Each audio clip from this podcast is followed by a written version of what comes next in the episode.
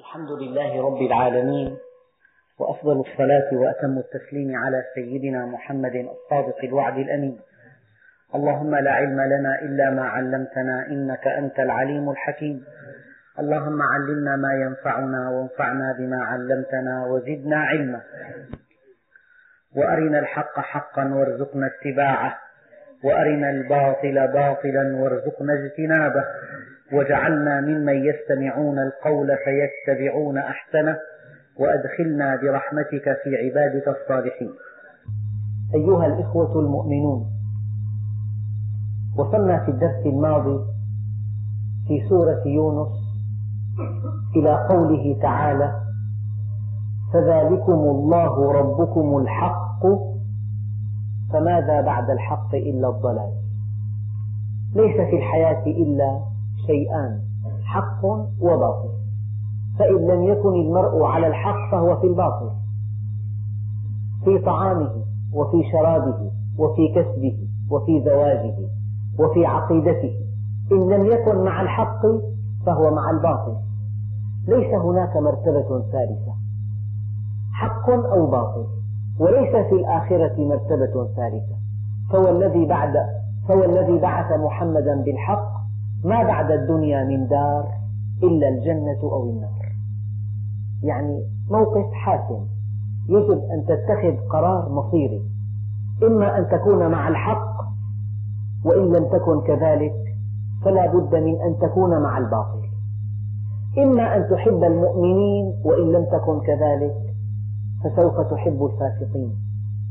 إما أن تكن سعيدا وإن لم تكن كذلك فلا بد من أن يكون شقيا. الناس رجلان.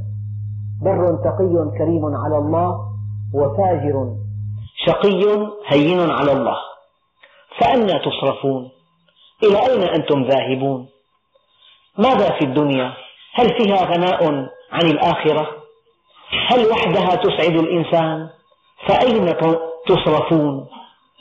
لما الإنسان يسير في طريق مسدود أو طريق مهلك يقول له صاحبه المشفق عليه إلى أين أنت ذاهب؟ هذا طريق الشقاء. كذلك حقت كلمة ربك على الذين فسقوا أنهم لا يؤمنون. هناك علاقة ترابطية كما يقولون. الفاسق لا يؤمن. الفاسق لا يؤمن. وإن لم يكن الرجل مؤمنا فلا بد من أن يفسق.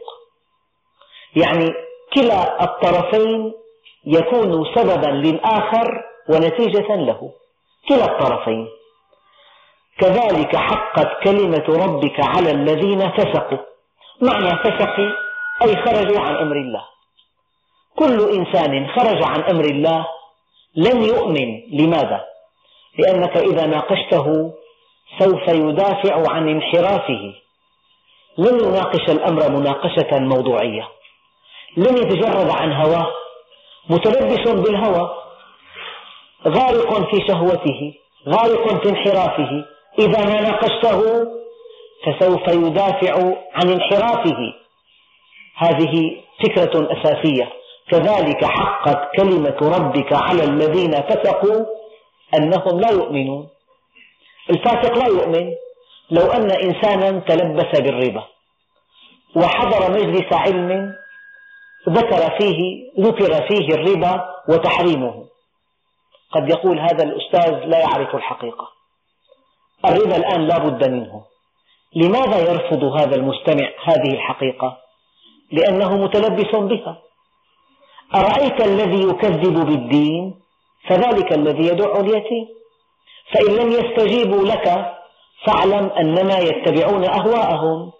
لذلك كذلك حقت كلمة ربك على الذين فسقوا أنهم لا يؤمنون يعني من القوانين الثابتة من سنن الله في خلقه أن العاصي لا يؤمن المنحرف الفاسق وأن الذي لا يؤمن لا بد من أن يحمله عدم إيمانه على الفسق. العلماء قالوا بين الفسق والإيمان علاقة ترابطية يعني الفسق يؤدي إلى عدم الإيمان وعدم الإيمان يؤدي إلى الفسق. فحيثما تلبس الإنسان بأحدهما قادته إلى الثانية. في فسق يرد الحق. إذا كان يؤثر الاختلاط وذكرت له أن الاختلاط حرام يقول لك لا هذا كلام غير صحيح. يعني رجل متلبس بشرب الخمر.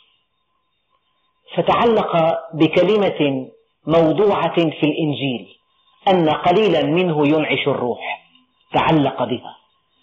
وتعلق بآية قال تجتنبوه لم يقل حرم عليكم.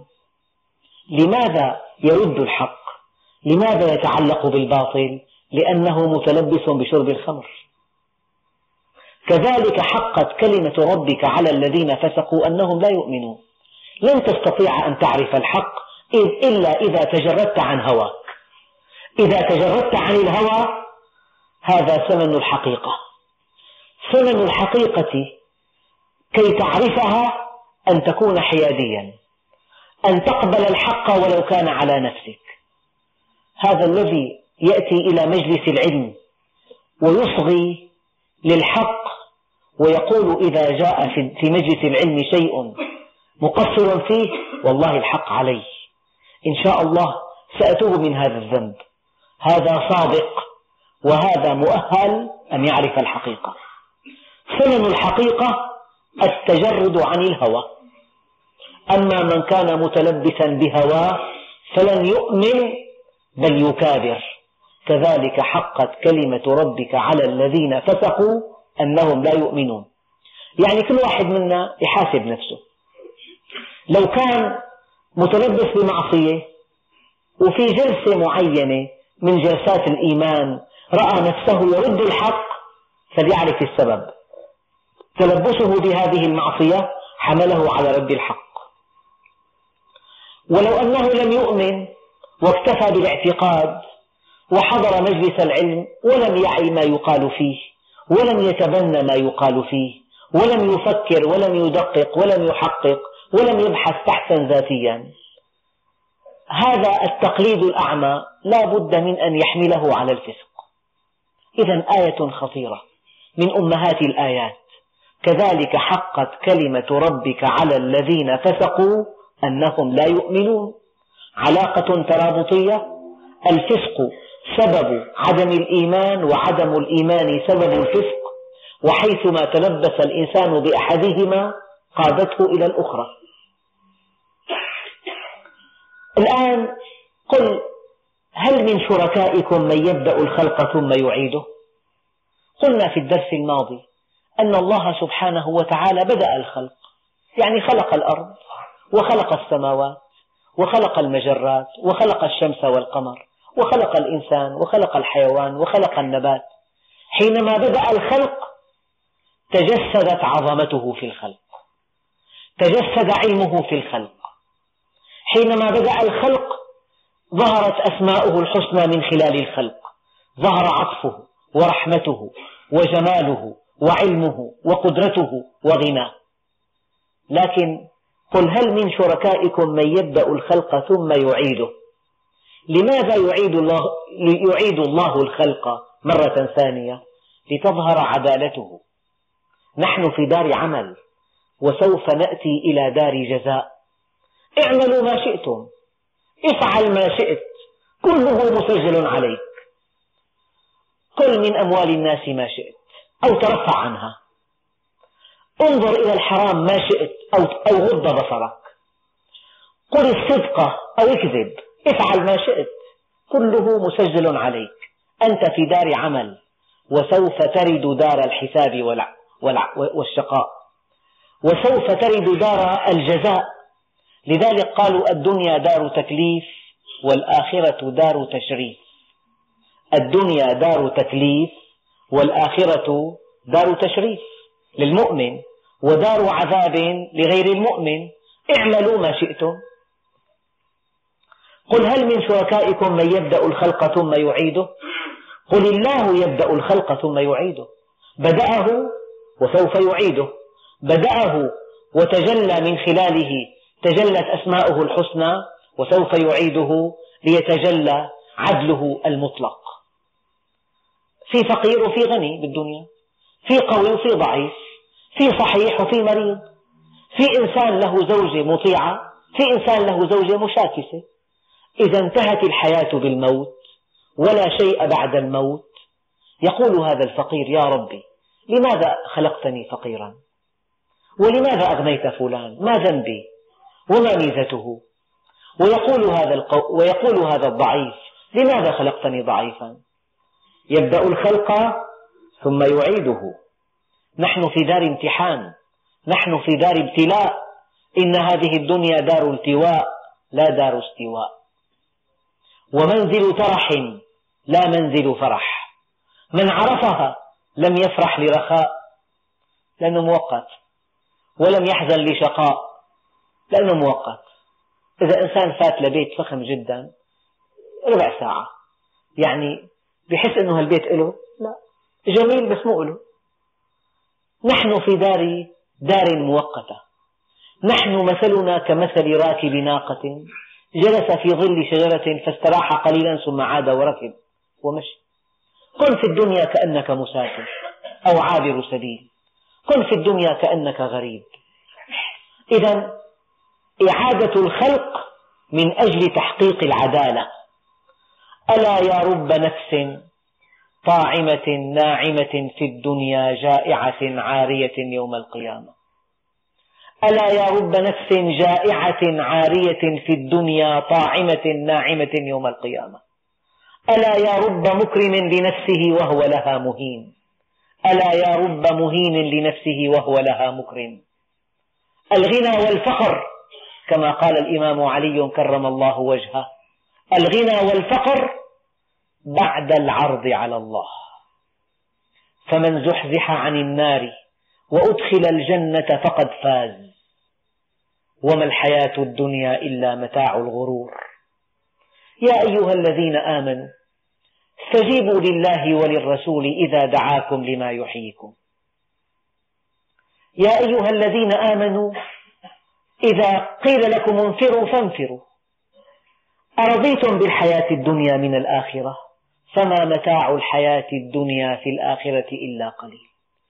يا أيها الذين آمنوا ما لكم إذا قيل لكم انفروا في سبيل الله إذ ثاقلتم إلى الأرض؟ أرضيتم بالحياة الدنيا من الآخرة؟ فما متاع الحياة الدنيا في الآخرة إلا قليل. إذا الله يبدأ الخلق ثم يعيده. بدأه. وعرفنا من خلال بدئه أسماءه الحسنى وسوف يعيده. وسيتحقق من إعادة الخلق تتحقق عدالته المطلقة. ثم يقول الله عز وجل قل هل من شركائكم من يهدي إلى الحق؟ قل الله يهدي إلى الحق للحق. أفمن يهدي إلى الحق أحق أن يتبع؟ أم من لا يهدي إلا أن يهدى. فما لكم كيف تحكمون؟ يعني اتضح من الآيتين الله سبحانه وتعالى في أكثر من آية في القرآن الكريم بين أنه خلق فسوى وقدر فهدى. ونفس وما سواها فألهمها فجورها وتقواها. الحمد لله فاطر السماوات والأرض الحمد لله الذي نزل على عبده الفرقان. يعني كأن الذي ظهر أن هذا القرآن الكريم يعدل الكون. فلا أقسم بمواقع النجوم وإنه لقسم لو تعلمون عظيم إنه لقرآن كريم. صار في عنا كما قال بعض المصلحين إن لله في خلقه كتابين الكون والقرآن. الله سبحانه وتعالى خلق وهدى. قال فمن ربكما يا موسى؟ قالا ربنا الذي أعطى كل شيء خلقه ثم هدى. مر معي أن سمك اسمه سمك السلمون. يتوالد في أعالي الأنهار في أمريكا الشمالية والجنوبية. وينتقل برحلة شاقة شاقة إلى المحيط الأطلسي. إلى سواحل فرنسا. ثم يعود أدراجه إلى مسقط رأسه هناك. مركز بحوث. وضع لبعض الأسماك أو لأعداد وفيرة منها قطع معدنية فيها تاريخ. هذه الأسماك بعد أشهر عادت إلى مسقط رأسها. الشيء الذي يحير العقل أن هذه الأسماك وهي في الأطلس. كيف عرفت طريق العودة إلى مسقط رأسها؟ لو أنها انحرفت زاوية واحدة درجة واحدة لجاءت في مصب نهر آخر. لو أنها انحرفت درجتين لجاءت في أمريكا الجنوبية بدل الشمالية. هل معها بوصلة؟ مع خرائط؟ مع أحداثيات؟ الاتصال اللاسلكي مع مراكز للتوجيه البحري؟ كيف عرفت طريقها؟ بعض العلماء أخذوا بعض الأسماك وحملوها إلى مصب بعض الأنهار في أوروبا. وهي صغيرة. حينما كبرت سارت إلى الأطلس وعادت إلى أمريكا. لا يزال هذا سرا. ما الذي يسير هذه السمكة؟ يعني شيء يعجز عنه علماء البحار. يعجز عنه المتخصصون. يعجز عنه ربابنة السفن. وأنت على سواحل فرنسا تتجه تحت البحر لا ترى شيئا. تتجه إلى مصب الأمازون. هذا من هداية الله عز وجل. هذه الظاهرة لا تفسر إلا بالقرآن. الذي أعطى كل شيء خلقه ثم هدى. الحيوان هداه إلى طعامه هداه إلى شرابه هداه إلى دوائه. قد يصاب الحيوان بمرض. يذهب إلى البستان يبحث عن حشيشة بعينها فيأكلها فيشفى. هداه إلى طعامه هداه إلى شرابه هداه إلى طريقة توالده هداه إلى أنثاه هداه إلى كل شيء. لكن الإنسان أعطاه الفكر وبالفكر ارتقى الإنسان. والإنسان هداه إليه هداه إليه. الحيوان هداه إلى طعامه وشرابه. لكن الإنسان هداه إليه. عن طريق ماذا؟ عن طريق الكون. ثم عن طريق ماذا؟ عن طريق الأنبياء وعن طريق الكتب وعن طريق ورثة الأنبياء الدعاة إلى الله. وعن طريق المصائب وعن طريق الضيق وعن طريق الغنى وعن طريق الفقر وعن طريق المرض وعن طريق الصحة. ولكل قوم هاد والله شديد المحال. إذا قل هل من شركائكم من يبدأ الخلق ثم يعيده؟ قل الله يبدأ الخلق ثم يعيده. فأنى تؤفكون. قل هل من شركائكم من يهدي إلى الحق؟ قل الله يهدي للحق. أفمن يهدي إلى الحق أحق أن يتبع أم من لا يهدي إلا أن يهدى؟ يعني هذا الصنم الذي لا يستطيع الحركة من تلقاء نفسه. هذا يهديكم؟ ما لكم؟ كيف تحكمون؟ يعني خطر في بالي. أيام الطالب يصح له هندسة بحلب طب بحلب وهندسة بالشام. تحتار تعمل موازنات طب لما هندسة. أراد من بعضهم. الهندسة الطب بحلب الطب أرقى لكن بحلب. بده يستأجر غرفة بده يأكل لوحده في عليه أعباء المعيشة. في مصروف كبير. لكن لو واحد خيروه بين يكون طبيب أو بين يكون يعني بمهنة دنيا جدا. تاخذ مليون لما تاكل مليون ضرب. هي بدها وقفة يعني. تاخذ مليون ليرة ذهبية لما تاكل مليون ضرب.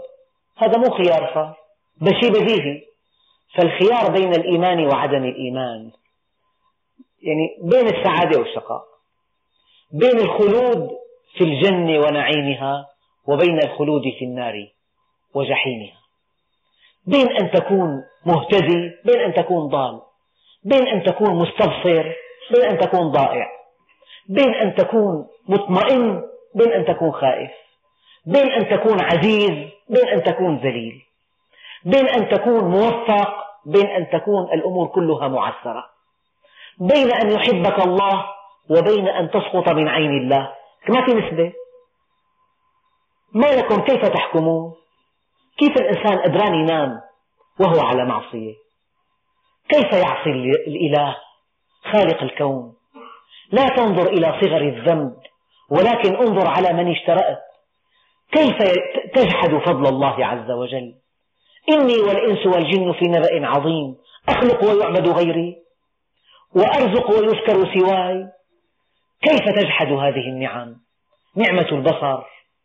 هل عرفت من خلق البصر؟ من خلق السمع؟ من خلق الشم؟ من خلق الربع مليون شعرة في رأسك؟ لكل شعرة وريد وشريان وعصب وعضلة وغدة دهنية وغدة صبغية عرفان مين خلق بأنفك آه، عشر ملايين عصب شمي. عرفان مين شق هالعين وجعل في شبكيتها 130 مليون مخروط عرفان مين خلق الأذن أذنان لتعرف مصدر الصوت. من الصيوان إلى القناة الأذنية إلى الغشاء الطبل إلى الأذن الوسطى إلى الداخلية إلى قنوات التوازن. مين خلق العظام وأعطاها حد؟ لو أن طول لو أن الأسنان تنمو بازدياد ماذا يحدث؟ هو القابض والباسط. أعطى هذه الأسنان نموا ثم أوقفها عند حدها. أعطى هذه العظام نموا ثم أوقفها عند حدها. من أمر العظام أن تقف عن النمو؟ بعض الأطباء قال لي كأنه في خط وهمي مرسوم بالفضاء. إذا بلغته إذا إذا العظم وصل إليه يقف عند النمو. شيء مضحك والله. خط وهمي مرسوم بالفراغ. إذا وصل نمو العظم إليه توقف عن متابعة النمو. لا هذا غلط. الصواب القابض والباسط. الجامع والمانع. فالإنسان إذا تأمل في الكون يرى في كل شيء له آية تدل على أنه واحد. والله كل شيء ينطق كأنه ينطق. يقول أنا دليل على عظمة الله. من طعامك إلى شرابك إلى ابنك إلى كأس الماء إلى كأس الحليب إلى الجبل إلى البحر إلى السمك إلى الطير. وفي كل شيء له آية تدل على أنه واحد. فالله سبحانه وتعالى بقدر ما هو خالق عظيم. بقدر ما هو هاد حكيم. هداك في كل شيء. ما لكم كيف تحكمون؟ يعني إذا أنت محتار طب لما هندسة معك حق. الطب بحلب والهندسة بالشام. يعني في وجهة نظر. محتار تفتح محل أقمشة لما ملبوسات جاهزة.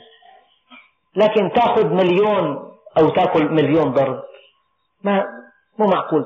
تقول والله. بس لفكر شوي. اتركوني لفكر.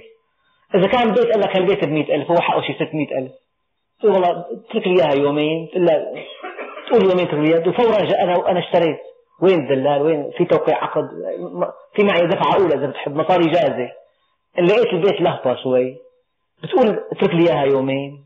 ما بتحكيها منوب هي فما لكم كيف تحكمون؟ كيف الإنسان رضيان بالدنيا؟ أرضيتم بالحياة الدنيا من الآخرة؟ قبلانين فيها أنتم. هي واحد أبوه ملك. قال له يا ابني طلب وتمنى قال له بدي محاية بس محاية بس طلب الدنيا واكتفى بها. لو طلب يخت بيعطيه لو طلب أكبر قصر بيعطيه طلب محاية ألم بيج ناشف بس أكثر ما بده. ما لكم كيف تحكمون وما يتبع أكثرهم إلا ظنا؟ إن الظن لا يغني من الحق شيئا. إن الله عليم بما يفعلون. يعني معظم الناس عقائدهم ظن. تصورات ظن منطلقات ظن أهداف ظن. يعني متوهم السعادة بالمال. ظن. المال لا يسعد. متوهمة بالنساء النساء لا تسعد. متوهمة بالبيت الفخم. رب كوخ حقير صاحبه أسعد الورى. اللهم صل عليه. كان إذا صلى قيام الليل رفعت السيدة عائشة رجليها لأن الغرفة لا تتسع لنومها وصلاته. ودخل عليه عدي بن حاتم فتناول اللهم صل عليه وسادة من أدم محسوة ليفا قال اجلس على هذه لعدي بن حاتم. قال له بل أنت؟ قال بل أنت. قال فجلست عليها وجلس رسول الله على الأرض. ما في عنده غير وسادة واحدة. ومع ذلك كان سيد الخلق وحبيب الحق. الله عز وجل ما أقسم إلا بحياته. قال له لعمرك إنهم لفي سكرتهم يعمهون. قال له إنك لعلى خلق عظيم. سيدنا الصديق؟ جاء سيدنا جبريل وقال للنبي عليه الصلاة والسلام قل لصاحبك إن الله راض عليه. فهل هو راض عن الله؟ ما تحمل الكلمة سيدنا الصديق. مجالات الإيمان لا يعرفها إلا من ذاقها. الإنسان أيام يقيم علاقة مع إنسان من طينته. إنسان يفنى يعتز بها العلاقة. فإذا اعتززت بمن يموت فإن عزك ميت. إذا اعتززت بمن يموت فإن عزك ميت. إنما الإنسان بيصل وجهه إلى الله عز وجل تحدث له صلة حقيقية إقبال حقيقي لا يعرف ما نقول إلا من اقتفى أثر الرسول. هذا مثل سف لنا طعم العسل؟ صعب والله. ذوقه بس. من ذاق عرف استقيم استقامة تامة. وقدم أعمال صالحة لوجه الله عز وجل. خالصة من كل شائبة. ثم تعال وقل لي ماذا حدث لك. تعال وقل لي أي سعادة عشت. وكيف اطمأننت. وكيف نزل الله على قلبك السكينة. وكيف يسر لك الأمور. وكيف أصلح لك بيتك؟ وكيف أصلح لك جسدك؟ وكيف أصلح لك معيشتك؟ وكيف أكرمك في الدنيا قبل الآخرة؟ قل لي كما أريد أكن لك كما تريد. قل لي كما أريد ولا تعلمني بما يصلحك. وما يتبع أكثرهم إلا ظنا. يعني واحد معتقد أن المسرحية مثلا بتهذب النفوس. هذا ظن. واحد معتقد الاختلاط بيهذب المشاعر. واحد معتقد أن الموت نهاية الحياة ما في شيء. واحد معتقد أن المال هو الدراهم مراهم. وكل إنسان متصور حقيقة, حقيقة متصور فكرة متوهما إياها أنها حقيقة وهو يظنها ظنا. هي مصيبة كبيرة. إذا الإنسان على وشك الموت عطشا وتوهم المكان بجهة معينة وذهب إلى هذا المكان فمات هناك عطشا. بين تكون متأكد من وجود الماء بين تكون واهم قضية موت أو حياة إذا كان بقيان لحياته ربع ساعة. وقالوا له بهالجهة في ماء. ما له متأكد لكن؟ هل يستهلك هذه الربع ساعة في مسير إلى مكان غير مؤكد؟ بيكون غامر بحياته. لكن إذا كان متأكد أنه هون في ماء وذهب إليه معه الحق. وما يتبع أكثرهم إلا ظنا إن الظن لا يغني من الحق شيئا. إن الله عليم بما يفعلون. يعني أيام الطالب يتوهم أنه والله قالوا أنه الأستاذ الفلاني بيعطي الأسئلة بس مو هلا قبل الامتحان الجمعة ما بقى يدرس النوب هالفكرة صحيحة؟ لو أنه صحيحة ماشي الحال يعني معقولة. أما إذا كان مو صحيحة ما درس إطلاقا مضى السنة كلها باللعب والتسلية وصف بكالوريا مصيري وقبل الامتحان بجمعة طرق الباب فطرد. أليس قد غامر بمستقبله؟ لأنه ظن طالب قال له أنه الأستاذ يعطي أسئلة. إذا كان أنت أنك من تمه بحث آخر لكن ظن هذا. وما يتبع أكثرهم إلا ظنا. وقالت اليهود نحن أبناء الله وأحباؤه هذا ظن دعوة هي قل فلم يعذبكم بذنوبكم؟ بل أنتم بشر ممن خلق. وقالوا لن تمسنا النار إلا أياما معدودة. قل أتخذتم عند الله عهدا؟ فلن يخلف الله عهده. أن تقولون على الله ما لا تعلمون؟ كمان ظن. افعل ما شئت النبي عليه الصلاة والسلام سيشفع لك. هيك فهم الشفاعة أنت؟ هذا فهم خاطئ للشفاعة. الشفاعة حق ولكن لها معنى أرقى من هذا المعنى. لا يشفع النبي لمن ترك الحق وأدار ظهره له. لكن من, صار من, من تبع النبي من تبع سنته يشفع له. واحد دخل الجامعة يقدموا له كتب وطعام وشراب ومكتبات وما يتبع أكثرهم إلا ظنا إن الظن لا يغني من الحق شيئا إن الله عليم بما يفعلون. وما كان هذا القرآن أن يفترى من دون الله. أولا كلمة ما كان دقيقة جدا. تقول مثلا الحديد لم يصدأ. عندك قطعة حديد تأملتها لم تصدأ لكن الصدأ من خصائص الحديد. تقول لم تصدأ لكنك إذا أمسكت قطعة ذهب ماذا تقول؟ ما كان لها أن تصدأ. في فرق بين أن تقول لم تصدأ وبين ما كان لها أن تصدأ. لأن من طبيعة الحديد الصدأ ولظروف خاصة كانت في مكان جاف لم تصدأ. أما الذهب ما كان له أن يصدأ ليس من شأنه الصدأ ليس من خصائصه الصدأ. لذلك قالوا هذه العبارة حيثما وردت في كتاب الله فإنها تنفي الشأن لا تنفي الحدث. تقول الإنسان لم يسرق. أما إذا إنسان من علية قوم تقول ما كان له أن يسرق ما كان الله ليعذبهم وأنت فيهم ما كان الله ليظلمهم. لا تنفي الحدث ولكن تنفي الشأن يعني أبلغ أنواع النفي في كتاب الله. صيغة ما كان لأنها تنفي الإرادة والاستعداد والإمكانية والشأن والرغبة والحدث. واحد معه دكتوراه في الرياضيات قلت له اثنين وثلاثة قام سكت ما بيعرف. لا. نقول له ما كان له أن يجهل هذه الحقيقة لكن سكوته له معنى. اثنين وثلاثة ما يعرفها؟ دكتوراه بالرياضيات ما تقول لم يعرف تقول ما كان يعرف لا. ما كان له إلا أن يعرف. فربنا عز وجل قال وما كان هذا القرآن أن يفترى من دون الله. يعني أنا بهالأسبوع الماضي بحثت عن مثل يوضح الفكرة. لو فرضنا واحد ما شاف طائرة بحياته ولا صورتها ولا ركب فيها ولو عرفان شيء عن إمكانياتها أبدا. لكن شايف طفل عامل طائرة من ورق سحبها بالهواء فات لمحل حدادة مترين بمترين قال له صاحب المحل هي الطائرة الحديثة تبع الفلانية 600 راكب نفاسة أنا مساويها بهالمحل. ما دام هالإنسان ما شاف الطائرة بصدق لكن بده ركب هالطائرة وشاف حجمها وشاف أنه علم البشرية كله مجموع فيها.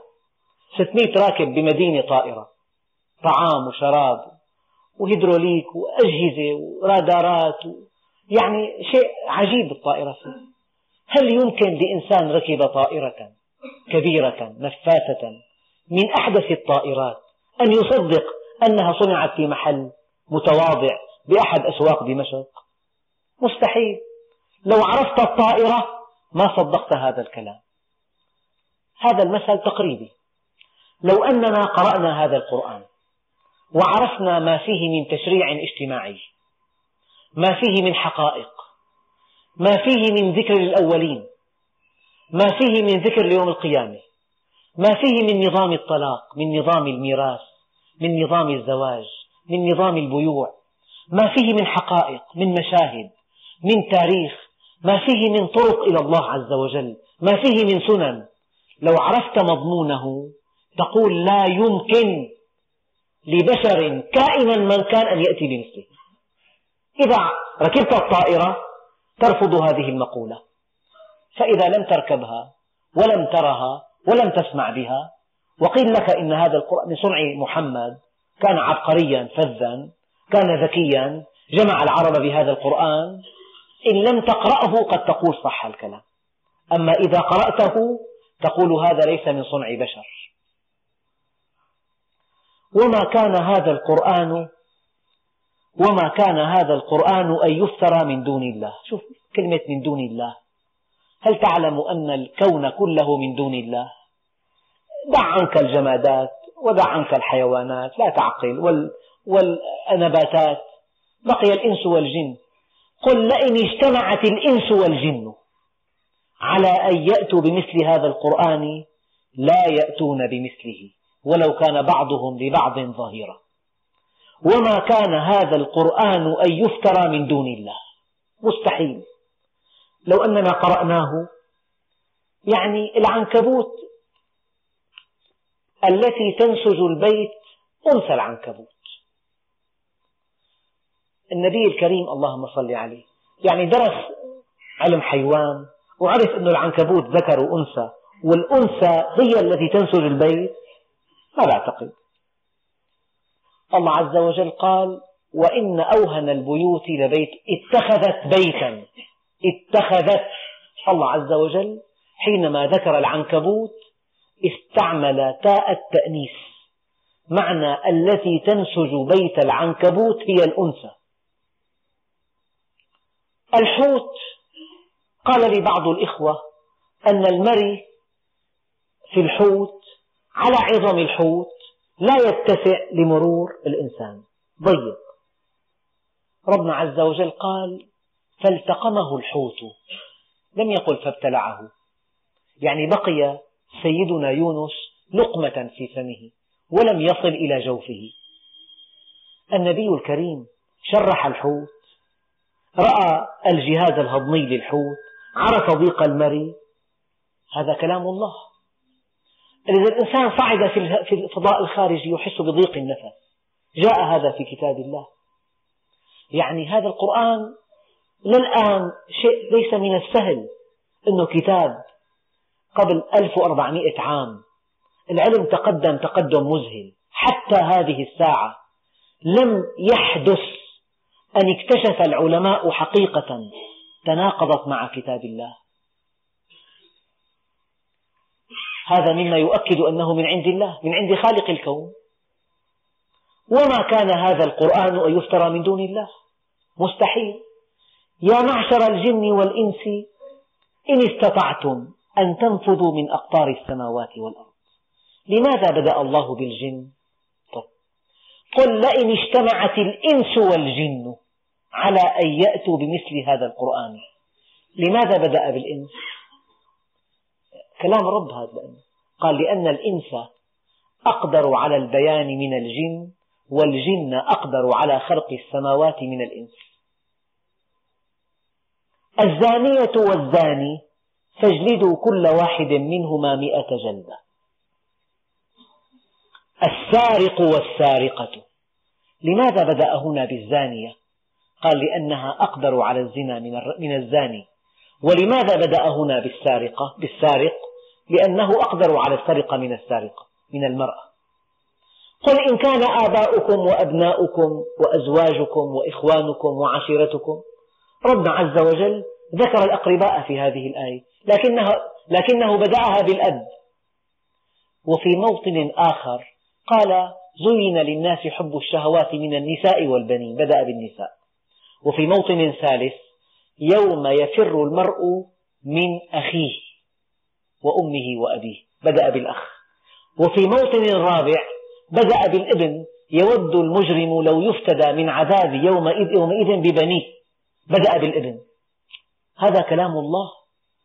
في كل موطن قدم الله سبحانه وتعالى الشيء المهم. في موطن اعتزاز الإنسان الاجتماعي قدم الأب. قل إن كان آباؤكم. في موطن الشهوة قدم المرأة. زين للناس حب الشهوات من النساء.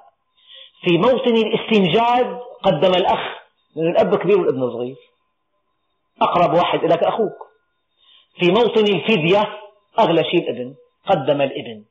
هذا كلام الله.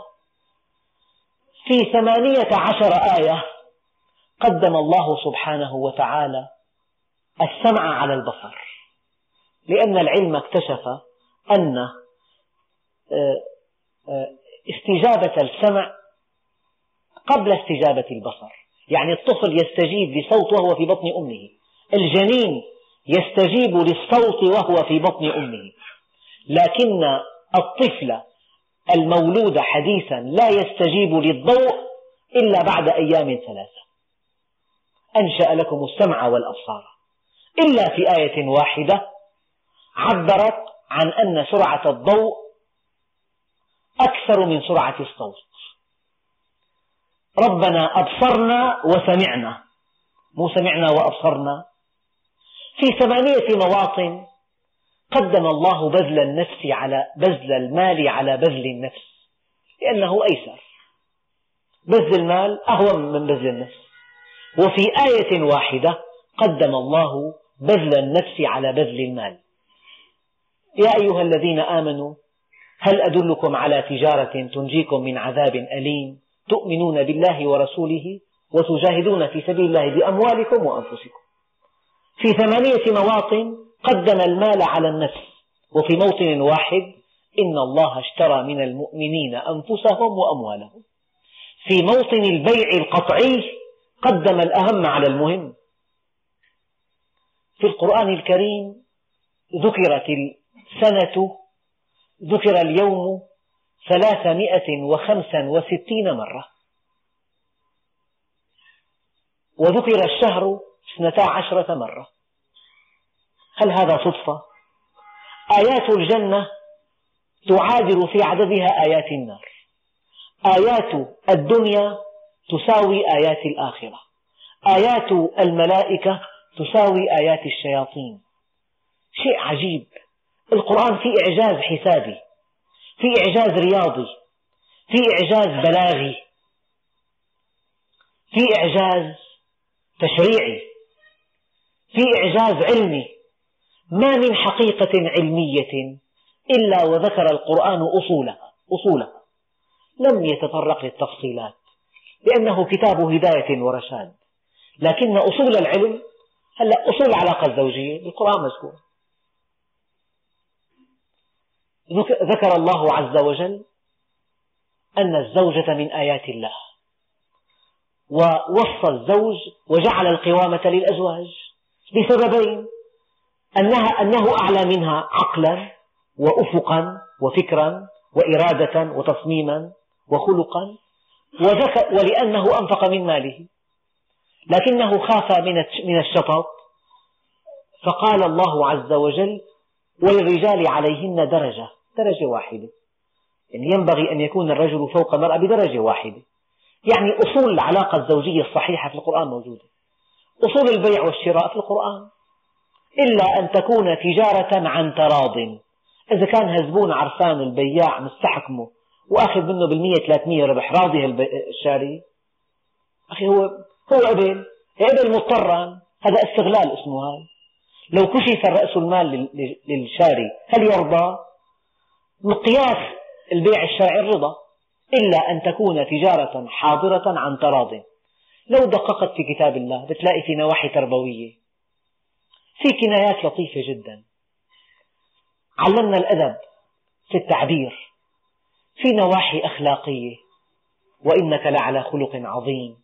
إنا وجدناه صابرا. نعم العبد إنه أواب. في نواحي تشريعية. نواحي شخصية. علاقات زوجية. علاقة الآباء بالأبناء. لو دققت في القرآن الكريم لرأيت فيه كل شيء. لأن الله سبحانه وتعالى جعله دستورا للبشر. إذا ما كان هذا وما كان هذا القرآن أن يفترى من دون الله. ولكن تصديق الذي بين يديه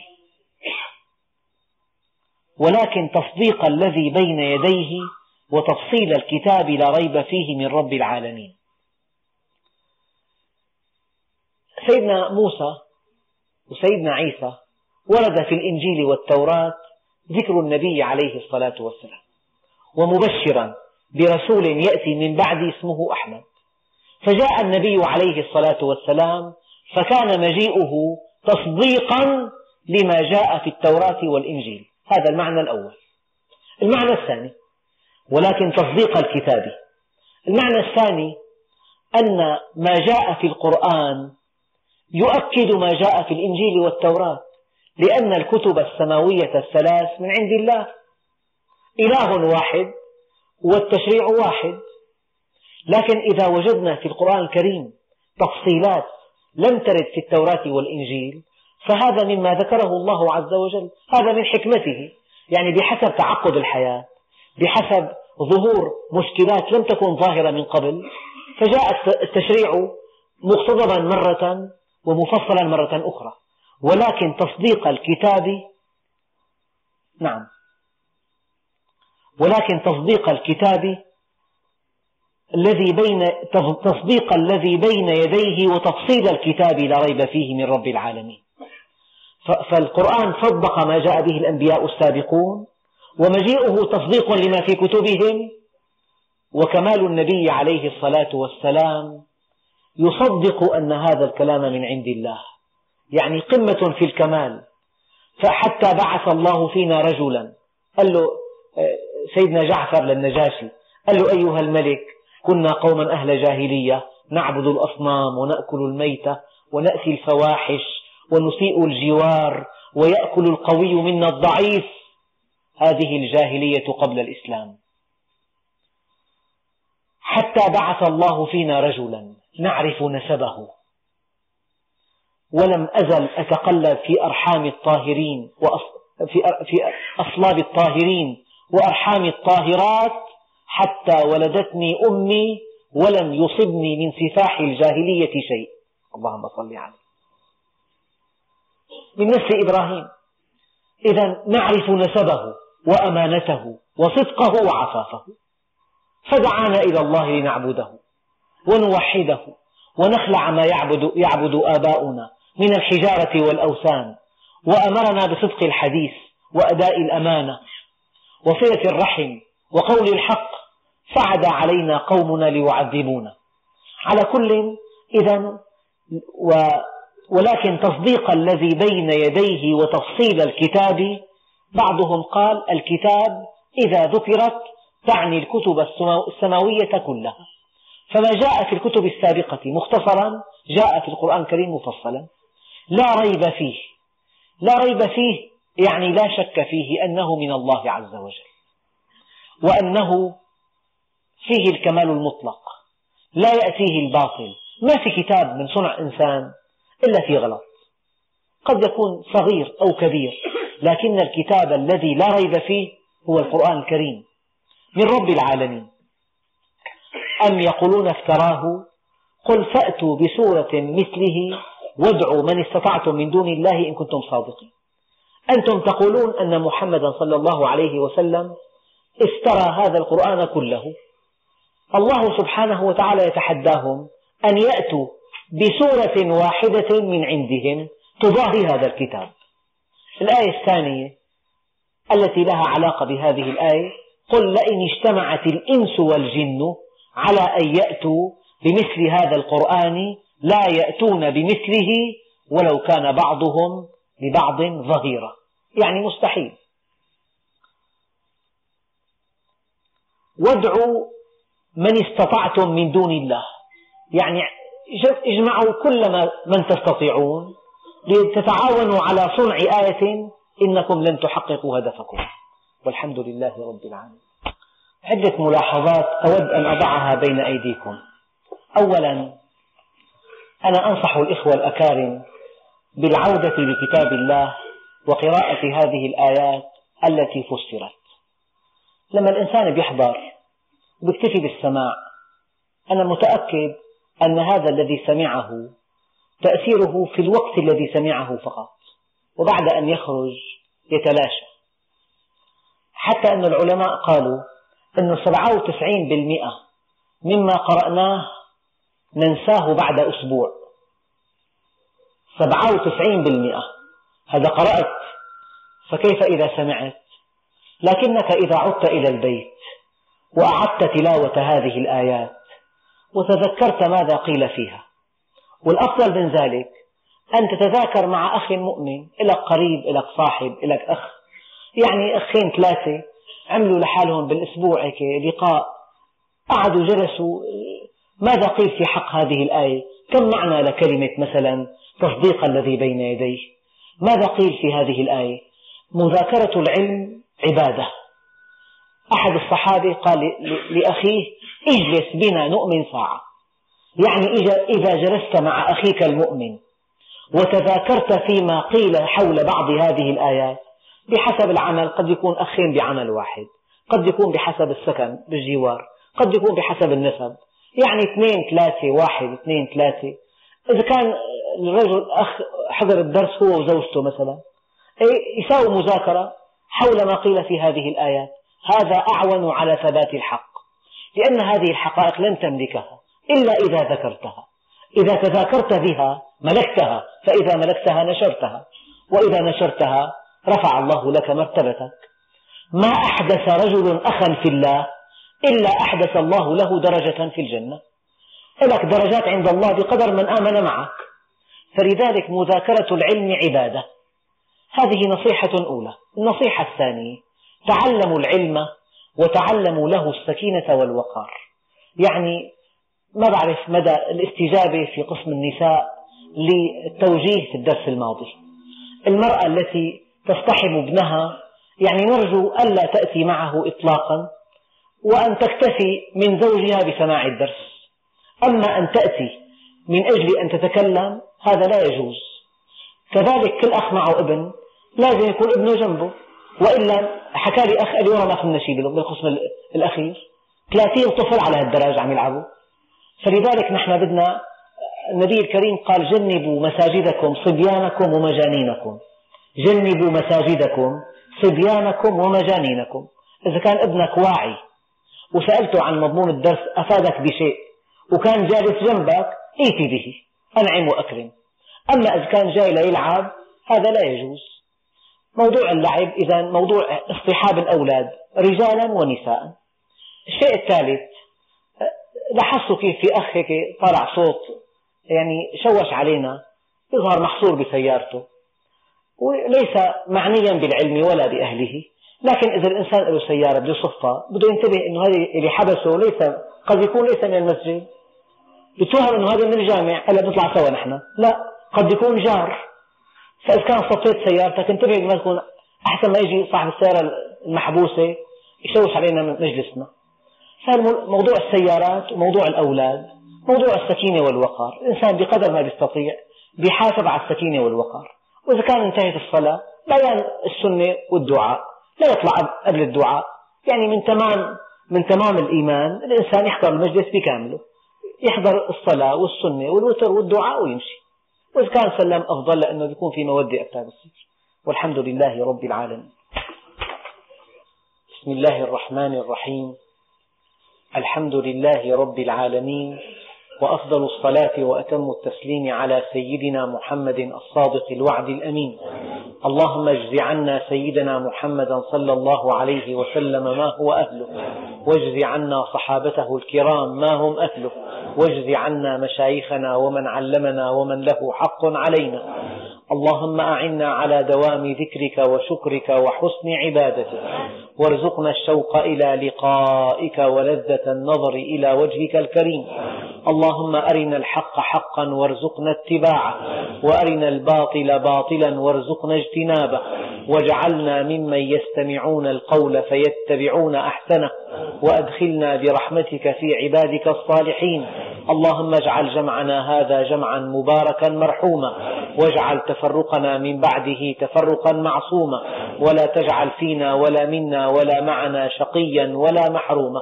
اللهم كما هديتنا للإسلام فثبتنا عليه.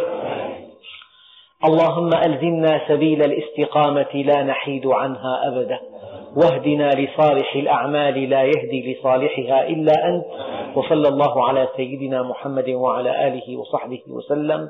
والحمد لله رب العالمين. الفاتحة.